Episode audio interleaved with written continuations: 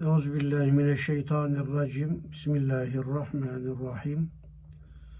Elhamdülillah ve salatu ve selamu ala Resulillah ve ala alihi ve ashabihi ecmain. Amin. Çok değerli, faziletli, gayretli kardeşlerim. Bizler asır itibariyle birer yolcularız. Bizim yolculuğumuz da ruhlar aleminden başlamış. Baba sürgünden rahmi madere, oradan çocuk olarak şu dünya hayatına geldik veya getirildik. Çocukluğumuzdan gençliğe, gençlikten işte bu yaşlarımıza kadar geldik. Varsa ömrümüz ihtiyar olacağız. İhtiyarlıktan kabre, kabirden haşre intikal edeceğiz. Haşirden sırata, sırattan sonra ya ebedi saadet yurdu olan cennet halindeki inşallah öyle olur veya ebedi şekavet, felaket alemi olan azap diyarı olan cehennem halindeki Allah korusun yolculuğumuz böylece ebedlere kadar devam edip gidecektir. Bizler bu yolculuğumuzun içinde değişik menzillere, meskenlere uğramaktayız.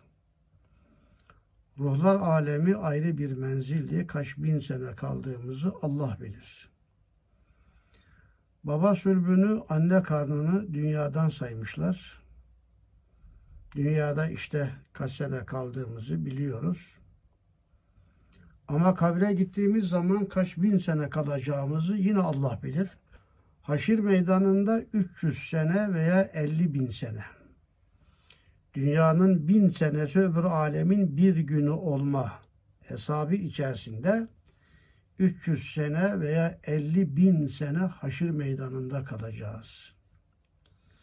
Sırattan yolculuğumuz aynı zaman izafiyetiyle 3000 sene devam edecek. Bunlar menziller, meskenler. Cennete veya cehenneme gelince rakamlarla ifadesi mümkün olmayan ancak ebedi sözüyle anlatılabilen oralarda ebedi kalmış olacağız. Bunlar bazı ayetlerin tercümesi gibi ayetlerden mülhem hakikatler, değişmez hakikatlerdir. Bu uğradığımız ve uğrayacağımız menziller içerisinde, meskenler içerisinde cennete veya cehenneme menzil, mesken denmemiş. Orası makar. Onun için o iki alemin dışındaki alemlere az kalacağımızdan dolayı menziller veya meskenler denmiştir.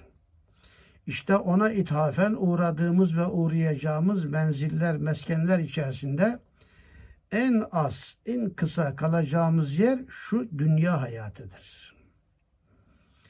Dünya hayatı İmam Rabbani'nin ifadesiyle ahirete nispeten bir belki zailin bir şemsi sermede nispeti gibidir.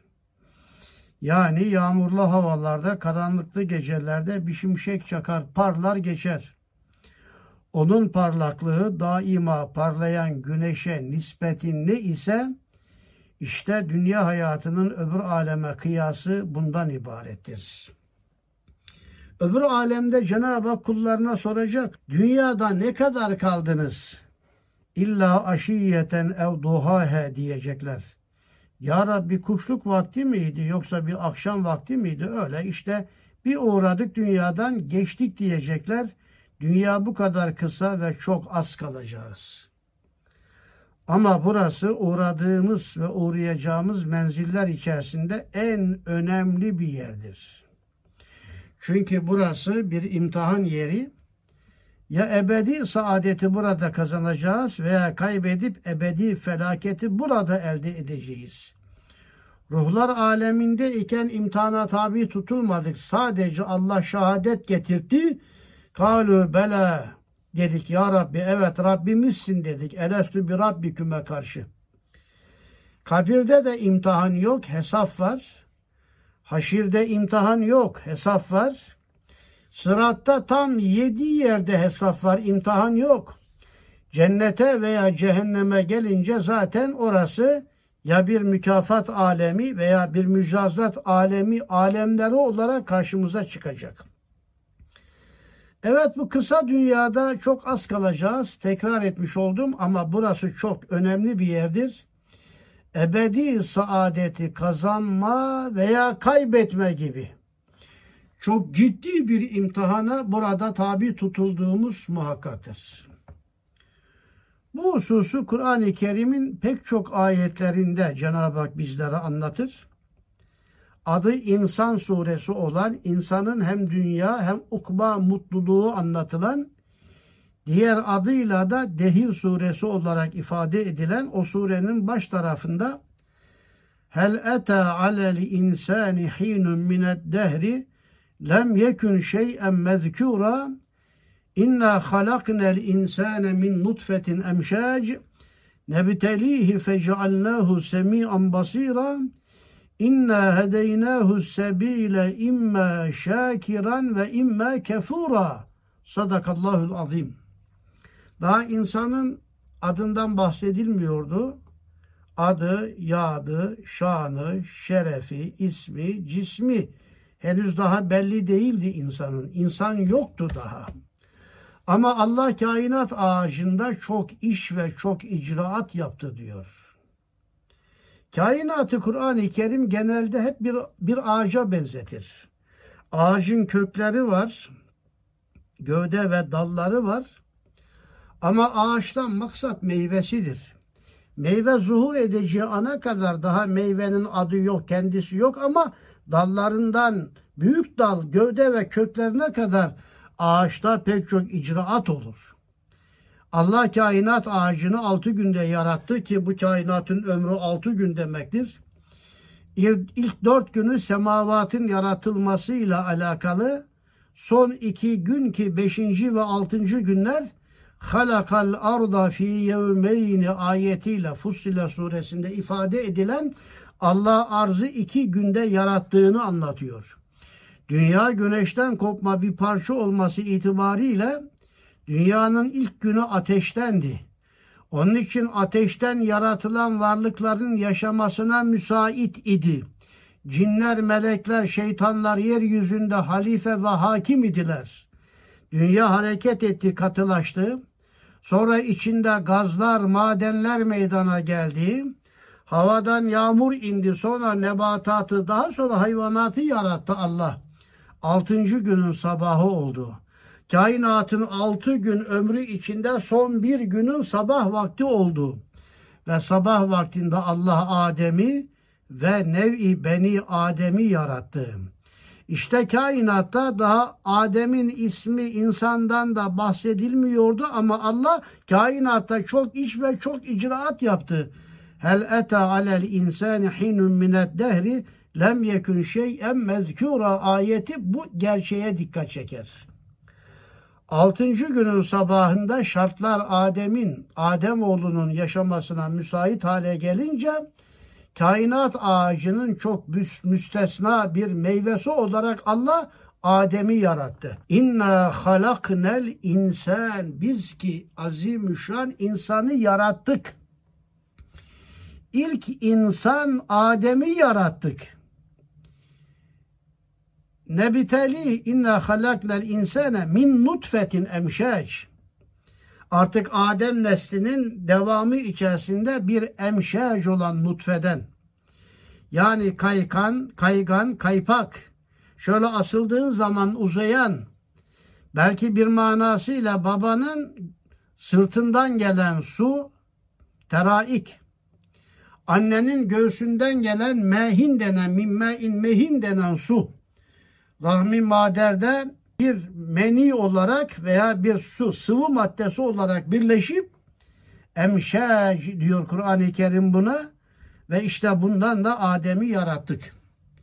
Şöyle bir inceliğe daha dikkat çekecek olursam Allah şu sistemlerle manevi alemler dahil, arş, kürsi dahil, lahut, rahamut alemleri dahil olmak üzere bütün şu sistemleri güneş sistem ve dünyayı kainatı bir ağaç gibi sadece insanı yaratmayı murat buyurduğu için yaratmıştır. Allah şu kainatı bizleri yaratmak için yaratmış. Muhteşem semavatları, sistemleri yaratmış ve bu kainat ağacının en mütena ve müstesna meyvesi olarak Allah biz insanları yaratmış. Ama orada kilit nokta bir kelime var. Biz insanı niye yarattık biliyor musunuz? Kainatı insan için yarattık, insanın için yarattık biliyor musunuz? Nebitelihi biz onu imtihan edeceğiz. Fecealnahu semi'an basira imtihanı kazansın diye de biz insanı işitici ve görücü yaptık buyuruyor. Allah bizleri kör yarasaydı veya sağır olarak yarasaydı öbür aleme gittiğimizde imtihana çekince ya Rabbi ne bileyim ben kainat kitabını göremedim. Sanatlarını müşahede edemedim. Ya Rabbi ben sağırdım hakka davet seslerini.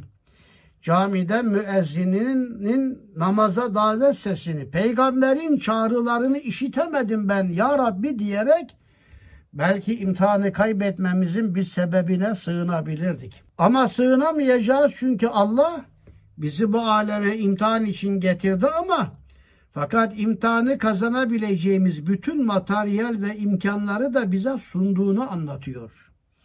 Mükemmel bir vücut maddesiyle manasıyla çok muhteşem bir alem.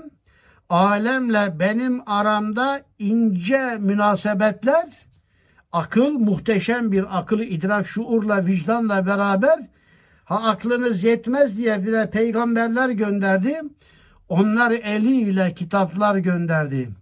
Bu aleme niye geldiğimizin, getirildiğimizin bütün plan ve projesini bize verdi. Yol haritalarını gösterdi. Öbür alemden bahsetti.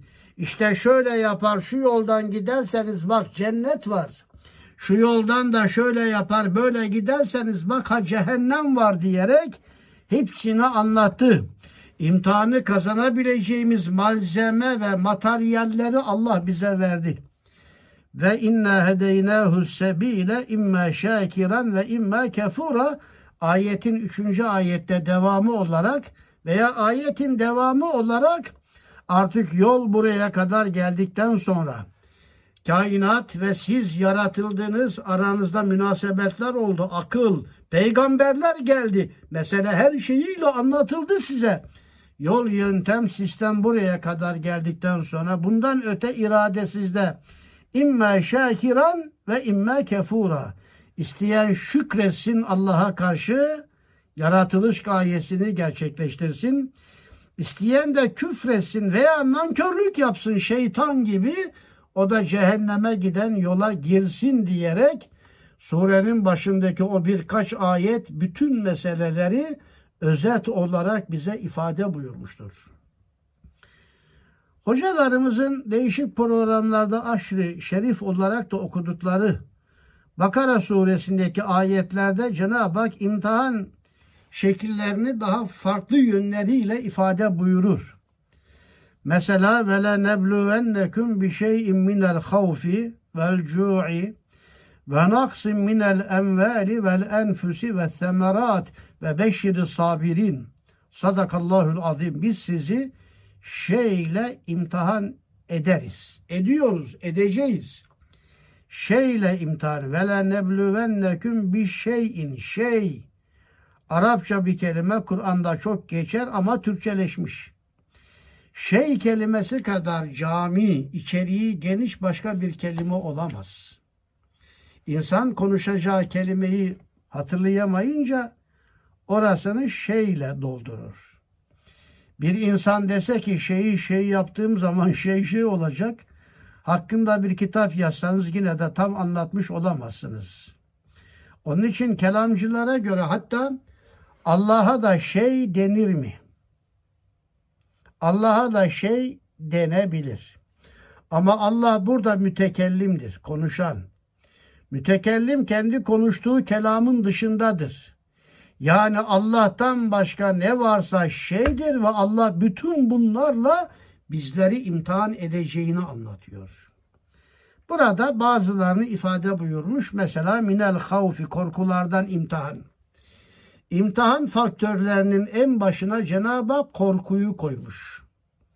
Korkma imtihanı kaybettirir. Sadece Allah'tan korkup başkalarından korkmayanlar da bu imtihanı kazanır. Nitekim bu hususu Kur'an-ı Kerim'de Cenab-ı Hak sarahatla ve misalleriyle anlatır. Ve la tehafuni ve khafuni in kuntum müminin der. Eğer müminseniz sadece ve sadece benden korkunuz der. Ve Firavun'un sihirbazlarını toplayarak Firavun bugünkü Firavunlardan daha modernmiş, daha çağdaş, daha ehven. Bari söz hakkı veriyor. Sanatını ortaya koyma hakkı veriyor. Hz. Musa'ya dedi ki Firavunlarımı toplayayım eğer onları yenebilirsen ben senin dinine girerim. Bütün firavunlar toplandı, attılar. Ellerindekilerini ejderhalar oldu onlar. Hz. Musa telaş etti. İlk defa böyle bir şey geliyor. Hatta biraz korkuyor gibi oldu, telaşlandı. Azıcık gerisin geriye çekildi. Ona kaçma denmez. Müslümanlığın kitabında kaçma yoktur. Kerrü fer denir. Sinek geldi vuracağınız zaman kaçar o kaçma değil. Tehlikeye karşı tedbir almadır. Az sonra yine gelecek. Eğer kaçmazsa erkeklik gösterip biter. Daha sonra bir daha gelme imkanı da bulamaz. İşte Hz. Musa böyle birazcık endişe etti. Gerisin geriye çekiliyordu. Cenab-ı Hak ona kale la tehaf. Ya Musa korkma dedi. Ya Musa korkma elindeki asana at. Attı. O bir şey oldu ve Firav sihirbazların bütün sihirlerini bir anda yutuverdi.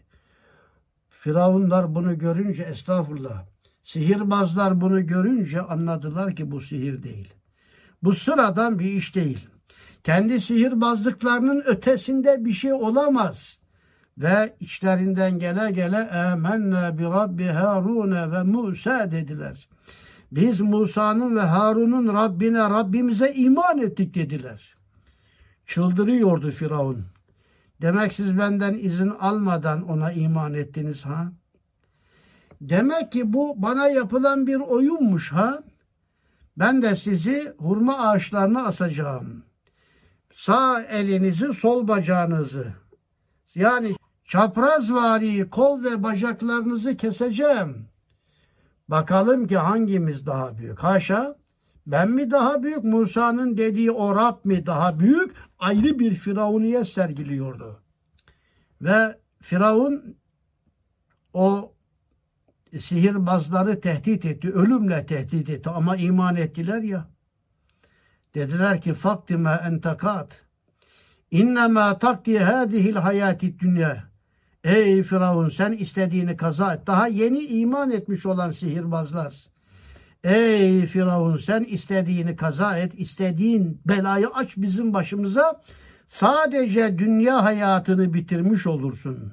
Hayat dünya hayatından ibaret değildir. Bu hayatın arkasında cilve endaz, cennet vardır. O müthiş, namütenahi güzelliklerle cilve, cilve endaz olan Allah esmasının tecelliyatı, temessülatı vardır. Allah'ın cemali ba kemali vardır. İçlerine iman girdikten sonra korkmuyorlardı. Firavun'un kalbine korku girdi. Korku kimde ise yıkılacak o demektir. Korku yıkılmada yüzde elli sarsılmış, yüzde ellisi de yakında arkadan gelecek demektir.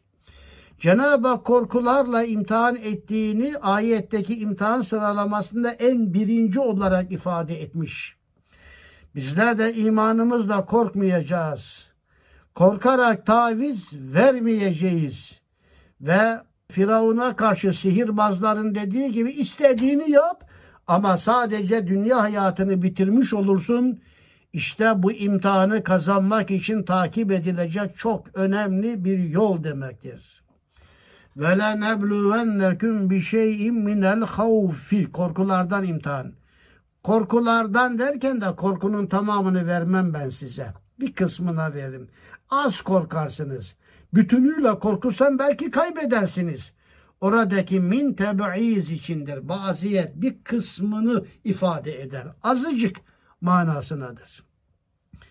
Minel havfi ikinci ağır bir imtihan vel cu'i.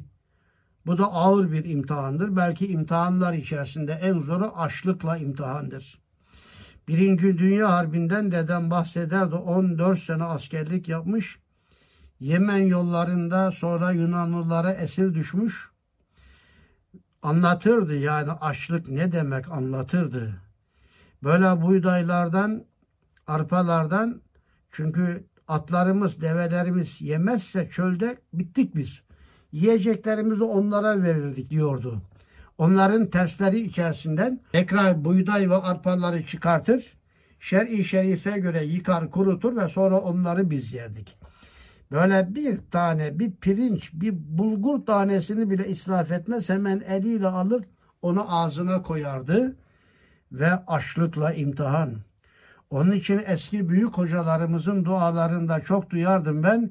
Ey Allah'ım açlıkla bizi terbiye etme, açlıkla imtihan etme. Bu Firavun bizi açlıkla da, susuzlukla da imtihan etti, etmeye sebebiyet verdi. İmtihan eden Allah'tır.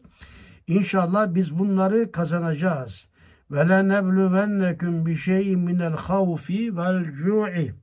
İkinci. Üçüncü imtihan ve naksin minel envel. Mallarınızı noksanlaştırmakla imtihan eder. Sizi zengin yapar, imtihan eder. Fakir yapar, imtihan eder. Bol mahsulat, ticarette bol kazanç ihsan eder, imtihan eder. Ticarette kesat olur. Kesat Türkçeleşmiş ayette geçiyor. Tarlanızdan arzu ettiğiniz mahsulatı bulamazsınız. Onunla imtihan eder. Mallarınızı noksanlaştırmakla imtihan eder. Bu malları noksanlaştırmakla imtihan Kur'an'da daha farklı boyutlarıyla anlatılır. Mesela Fecir suresinde فَاَمَّا الْاِنْسَانِ اِذَا مَبْتَلَاهُ رَبُّهُ فَاَكْرَمَهُ وَنَعَمَهُ فَيَقُولُ رَبِّي ekramen. Bu insan imtihanı kazanmış insan tipi. Rabbi ona sağanak sağanak nimetler gönderince kul der ki bu nimetleri bana ikram etti der. Allah ikram etti der. Hamdinin şükrünü Allah'a verir. İmtihanı kazanır. Ama bir iki ondan sonraki gelen ayette ve emmel insani izâ mebtelâhu fekadera aleyhi rizkahu Rab kulunun rızkını daraltınca, ticarette arzu ettiği karı bulamayınca, mahsulattan arzu ettiği neticeyi hasılatı elde edemeyince der ki haşa Rabbim bana ihanet etti. Rab ihanet etmez. Allah aldıklarıyla imtihan eder. Verdikleriyle imtihan eder. iniş ve çıkışlarıyla imtihan eder hayat bir baştan bir sona kadar bütünüyle bir imtihandan ibarettir. Şuna inanmalıyız. İnanıyoruz ki muhakkak ki veren Allah'tır, alan Allah'tır. Kulillahümme malikel mülk tü'til mülke men teşâ ve tenzi'ul mülke mimmen teşâ ve tu'izzu men teşâ ve tuzillu men teşâ Biyedikel hayr inneke ala kulli şeyin kadir. Tülicül leyle fin nehari ve tülicül nehara fil leyl ve tuhricül hayye minel meyyit ve tuhricül meyyite minel hay ve terzuku men teşâ'ü bi gayri hisab. Sadakallahul azim. Sendeki ey Habibi Zişanım onlara, onlar desinler ki ey Allah'ım biz diyelim ki ey Allah'ım malikül mülk sensin. Melikül mülk de sensin. Maliklerin meliki, meliklerin maliki sensin. Maliklerin maliki, meliklerin meliki sensin ey Allah'ım. Sen mülkü istediğine verirsin, istediğinden de alırsın. İstediğine istediğin kadar verirsin, istediğinden de istediklerini alırsın.'' İstediğini aziz yaparsın. İstersen azizleri zelil, zelilleri de aziz yaparsın. Yaparsın çünkü bütün icraat senin elinde. Hem ne yaparsan sen Allah'ım hayırlısını yaparsın. Yaparsın inneke ala kulli şeyin kadir. Senin gücün ey Allah'ım her şeye yeter. Diğer ayette de Geceyi gündüze, gündüzü geceye, kışı yaza, yazı kışa kalbedersin. Bütün tasarrufat Ya Rab senin elinde senin ilmin ve iznin olmadan ağaçtaki bir yaprak bile yere düşmez. Başka bir ayetteki ifadesiyle binaenaleyh Allah malları noksanlaştırmakla imtihan eder. Alır imtihan eder. Hasta yapar imtihan eder. Hürriyete alır imtihan eder. Musibet ve bela gönderir. Onunla imtihan eder. Ve naksın milel envel ve dördüncü olarak sıralamada vel enfüsi ki en dehşetlisi nefse emmareniz de sizi imtihan eder. Nefse emmare en büyük düşman. E'da e'daike nefsu kelleti beyne cembeyk.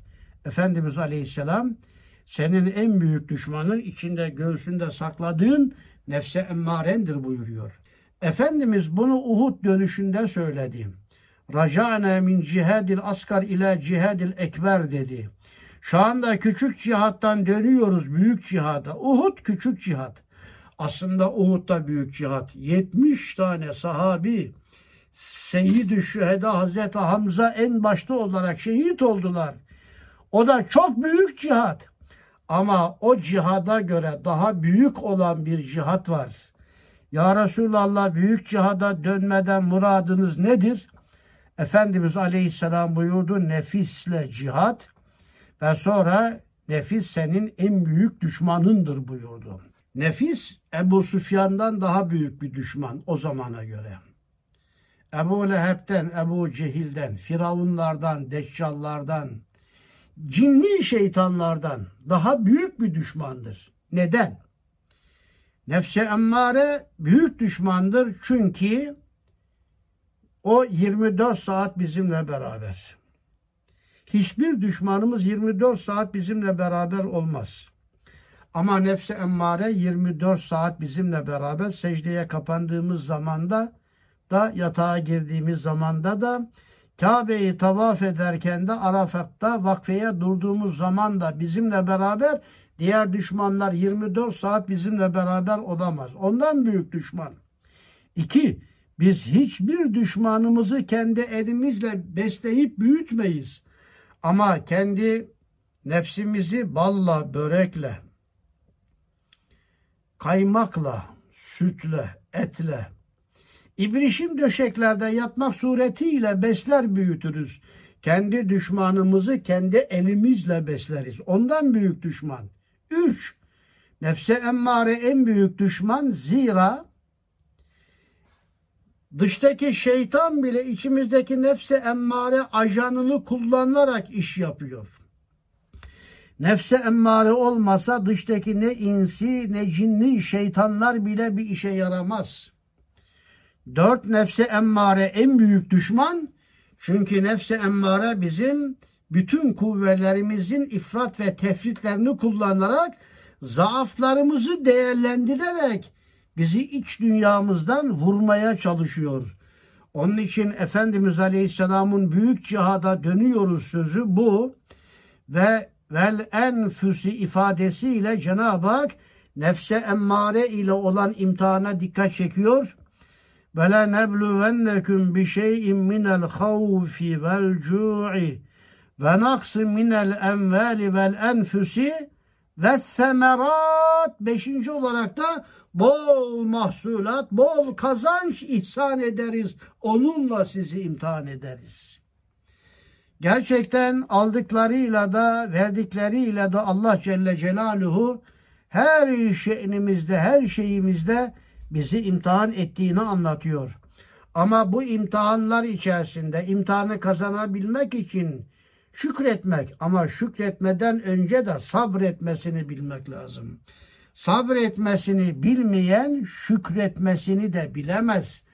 Onun için ayetin sonu ve beşiri sabirin sabredenlere müjdeleyi ver buyuruyor. Evet peygamberlerin tamamı bu çetin imtihanlardan geçmiştir. Cenab-ı Hak Hazreti Eyüp gibi bazılarına servet vermiş, imtihan etmiş. Ama nice peygamberler ki fakirlikleriyle imtihan olmuş. Hazreti Nuh gibi. Nice peygamberlere Cenab-ı Hak saltanat vermiş. Hazreti Davud ve Süleyman aleyhisselamlar gibi imtihan etmiş. Pek çok peygamberi de fakirlikle, hastalıklarla, çilelerle imtihan etmiş ve gerçekten hayat bütünüyle bir imtihandır. Değerli kardeşlerim, bu imtihanı kazanmak mecburiyetindeyiz. Çünkü süratlice öbür aleme gidiyoruz. Eğer bu imtihanı kaybetmiş olarak öbür aleme gidersek oradaki pişmanlıklarımızın bize hiçbir faydası olmayacaktır.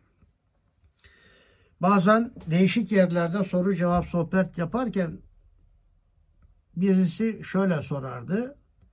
Hocam öldüğümüz zaman kabirde ne olacağız? Kabir hayatını merak ediyor. Ben de nükteli olsun diye diyordum ki kabire gittiğimiz zaman hepimiz Türk olacağız. Kabire gidince Türk olsan, Kürt olsan, Arap olsan, başka ırktan olsan ne yazar ki? Öyle bir kabir imtihanı yok. Ama buradaki nükte şu. Türk'ün askeri dönmez geri var ya, kabre gittiğimiz zaman yeniden dünyaya dönme şansımız olmayacak ya işte o manada. Evet bu imtihanı kazanmak, kazanarak öbür aleme gitmek mecburiyetindeyiz. Çünkü imtihanı kaybetmiş olarak eğer o aleme gidersek yeniden bu aleme dönme şansımız olmayacaktır. İşte o kabirdeki keşke keşkelerimiz, va esafa, va veyla çekmelerimiz, özellikle haşir meydanı ya leyte, ya leytene, ya leyteni diyenlerle inim inim inleyecek. Ah keşke, keşke, keşke diyenlerle inleyecek. Yeniden bir defa daha dünyaya dönsek. Ya Rabbi ben bilememişim. Dünyaya bir defa daha dönebileceğimi zannediyordum. Ya Rabbi ne olur beni bir defa daha ah keşke dünyaya gönder de sana şahane mi şahane kulluk yapacağım diyenler olacak. Fakat Cenab-ı Hak da onlara şöyle buyuracak. Ayet Heyhate heyhate lime tuadun. Artık geçti o. Geçti borun bazarı işi. Artık geçti o diyecek Cenab-ı Hak. Ben insanları dünyaya bir defa gönderirim bir defa imtihana tabi tutarım. Dünyadan da bir bu aleme alınca yeniden bir defa daha onu dünyaya göndermem diyecektir. Mesela Tur suresinde kabre gidenlerin şöyle söylediğini şimdiden anlatıyor ki Cenab-ı Hak biz öyle deme durumuna düşmeyelim diye. Kabre gitmiş bir adam şöyle diyecek. Rabbircuun lealli a'melu saliha. Ya Rabbi ne olur? Bahtına düştüm ya Rabbi ne olur? Beni bir defa daha dünyaya gönder de ben bilememişim ya Rabbi. Dünyada sadece ben kazık kakacağım zannetmiştim. Ölümü kabul ederim ama ben başkalarının öleceğini zannediyordum. Kendimin ölüp böyle bir kabire geleceğine hiç ihtimal vermiyordum. Ya Rabbi ne olur beni bir defa daha şu dünyaya gönder de vallahi billahi tallahi sana şahane mi şahane bir kulluk yapacağım diyecek. Ama Cenab-ı Hak yine ona heyhate heyhate lima tuadun buyuracak. Geçti o. Fudayl İbni İyaz'ın böyle bir deneme yaptığı söylenir. Siz de bir deneyin. Böyle tarlanızda bir bahçeye bir çukur kazdırın kabir gibi. Kefen giyin, şakacıktan dahi olsa bir saatine bir yatın bakalım ne olacak. Pudayl İbni İyaz böyle evinin önüne bir kabir kazdırmış. Beyaz kefen giyiyormuş. Üstünü örttürüyormuş herhalde nefes alacak kadar. Şöyle bir hava deliği bıraktırıyordur. Mesela yarım saat sonra, bir saat sonra benim üstümdeki toprağı alın beni dünyaya getirin diyormuş Fudayl İbni İyaz.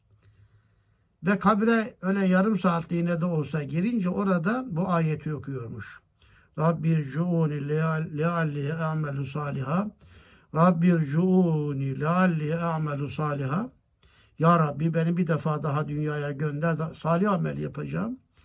Yarım saat sonra tekrar dünyaya gelince eh ey nefis hadi bakalım Allah sana bir imkan daha verdi. bu aleme bir defa daha getirdi. Buyur. Hadi verdiğin o sözü tut diye nefsini terbiye etmeye çalışırmış. Böyle olduğu için dev veli Fudayl İbni İyaz olmuştur. Değerli kardeşlerim, haşir meydanında insanlar keşke keşke diyecekler. İnşallah biz keşke diyenlerden olmamalıyız. Keşke Türkçeleşmiş Türkçe bir ifade ama aslı ya leyte, ya leyteni. Kur'an-ı Kerim'de çok geçer bu. Keşke, keşke şu demektir. Bir insan vakti zamanında verilen imkanları iyi değerlendirememiş. Onları bade heva, boş yere harcamış. Daha sonra da onları telafi etmeyi arzu etme manasında. Mesela sınıfta kalan talebe der ki kalmış ama. Keşke biraz daha fazla ders çalışsaydım. Mesela kışın çuvalı boş olan birisi der ki keşke yazın biraz daha çalışsaydım e, gölge hoş olmasaydı. Misalleri çoğaltabilirsiniz. Sonunda her ihmalin bir pişmanlığında keşke deriz. Dünya hayatına gelmesinin gayesini iyi kavrayamamış hayatın imanla, kullukla hakkını verememiş, Allah karşısında vazifesini ifa edememiş kimseler. Öbür aleme bomboş gidince orada keşke, keşke ya Rab ne olur bir defa daha dünya deseler de bunun hiçbir faydası ama hiçbir faydası olmayacaktır. Bir iki misal vermek istiyorum. Mesela Amme suresinin son ayeti. Son ayetinin de son cümlesi. Ya leyteni küntü turabe. Değişik tefsir yorumları içerisinde öne çıkan bir yorum. Kafirler de hayvanat da haşir meydanına bütün insanlar gibi gelecekler. Kafirler kendi arasında, hayvanat kendi arasında diğer insanlar hesaplaştıktan sonra Allah hayvanattan birer çift cennete gönderecek. Temsilen diğerlerini toprak yapacak. Kafirler de cehenneme. E toprak olmak cehenneme gitmekten daha güzel. Kafir diyecek ki ah keşke ben de bugün toprak olsaydım. Bunun manası şudur keşke dünyada iken hayvan olsaydım demek. Ama orada hayvandan daha beter bir hayata düşecek. Ya leyteni ah keşke ben de küntü türabe bugün burada toprak olsaydım diyecek. Ama o keşke demesinin ona bir faydası olmayacaktır. Mesela yine Kur'an-ı Kerim'de haşir meydanında inleyecek insanlardan bahsedilirken ya veylete leyteni lem ettehiz fülanen halile nidaları yükselecek. İki defa leyte var. Ya veylete leyteni. Ah ki ne olaydı ki ben keşke demek bu. Dünyada iken falanın filanın arkasından gitmeseydim. Falanı filanı dost, arkadaş edinmeseydim diyecekler. Kötü arkadaş edinmenin sıkıntısını yaşayacaklar. Arkadaşını bana söyle, senin kim olduğunu sana söyleyelim demişler. Mevlana der ki yerden bir avuç toprak aldım. Şöyle bir koktum ah gül gibi kokuyordu. Dedim sen topraksın ama bu gül kokusunu nereden buldun? Toprak bana döndü dedi ki ben bir zaman güle saksılık yapmıştım. Güle saksılık yapanlar gül gibi nitekim terse saksılık yapanlar da ters gibi kokar. Kiminle oturuyor kalkıyorsanız. Arkadaş çevreniz kimse zamanla onların rengini alacak onların karakterleriyle de boyanacaksınız demektir. Onun için az önce okuduğum ayetin üst tarafında, alt taraflarında özellikle kötü önderlere dikkat çekilir. Yani yevme ned'u küllü ünesin bir imamihim vardır. İnsanları imamları arkasında haşir meydanına getireceğiz.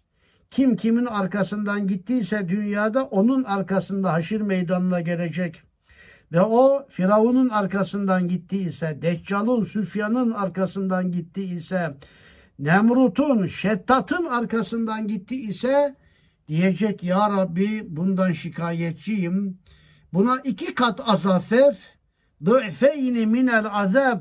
El anhum la'nen kebira.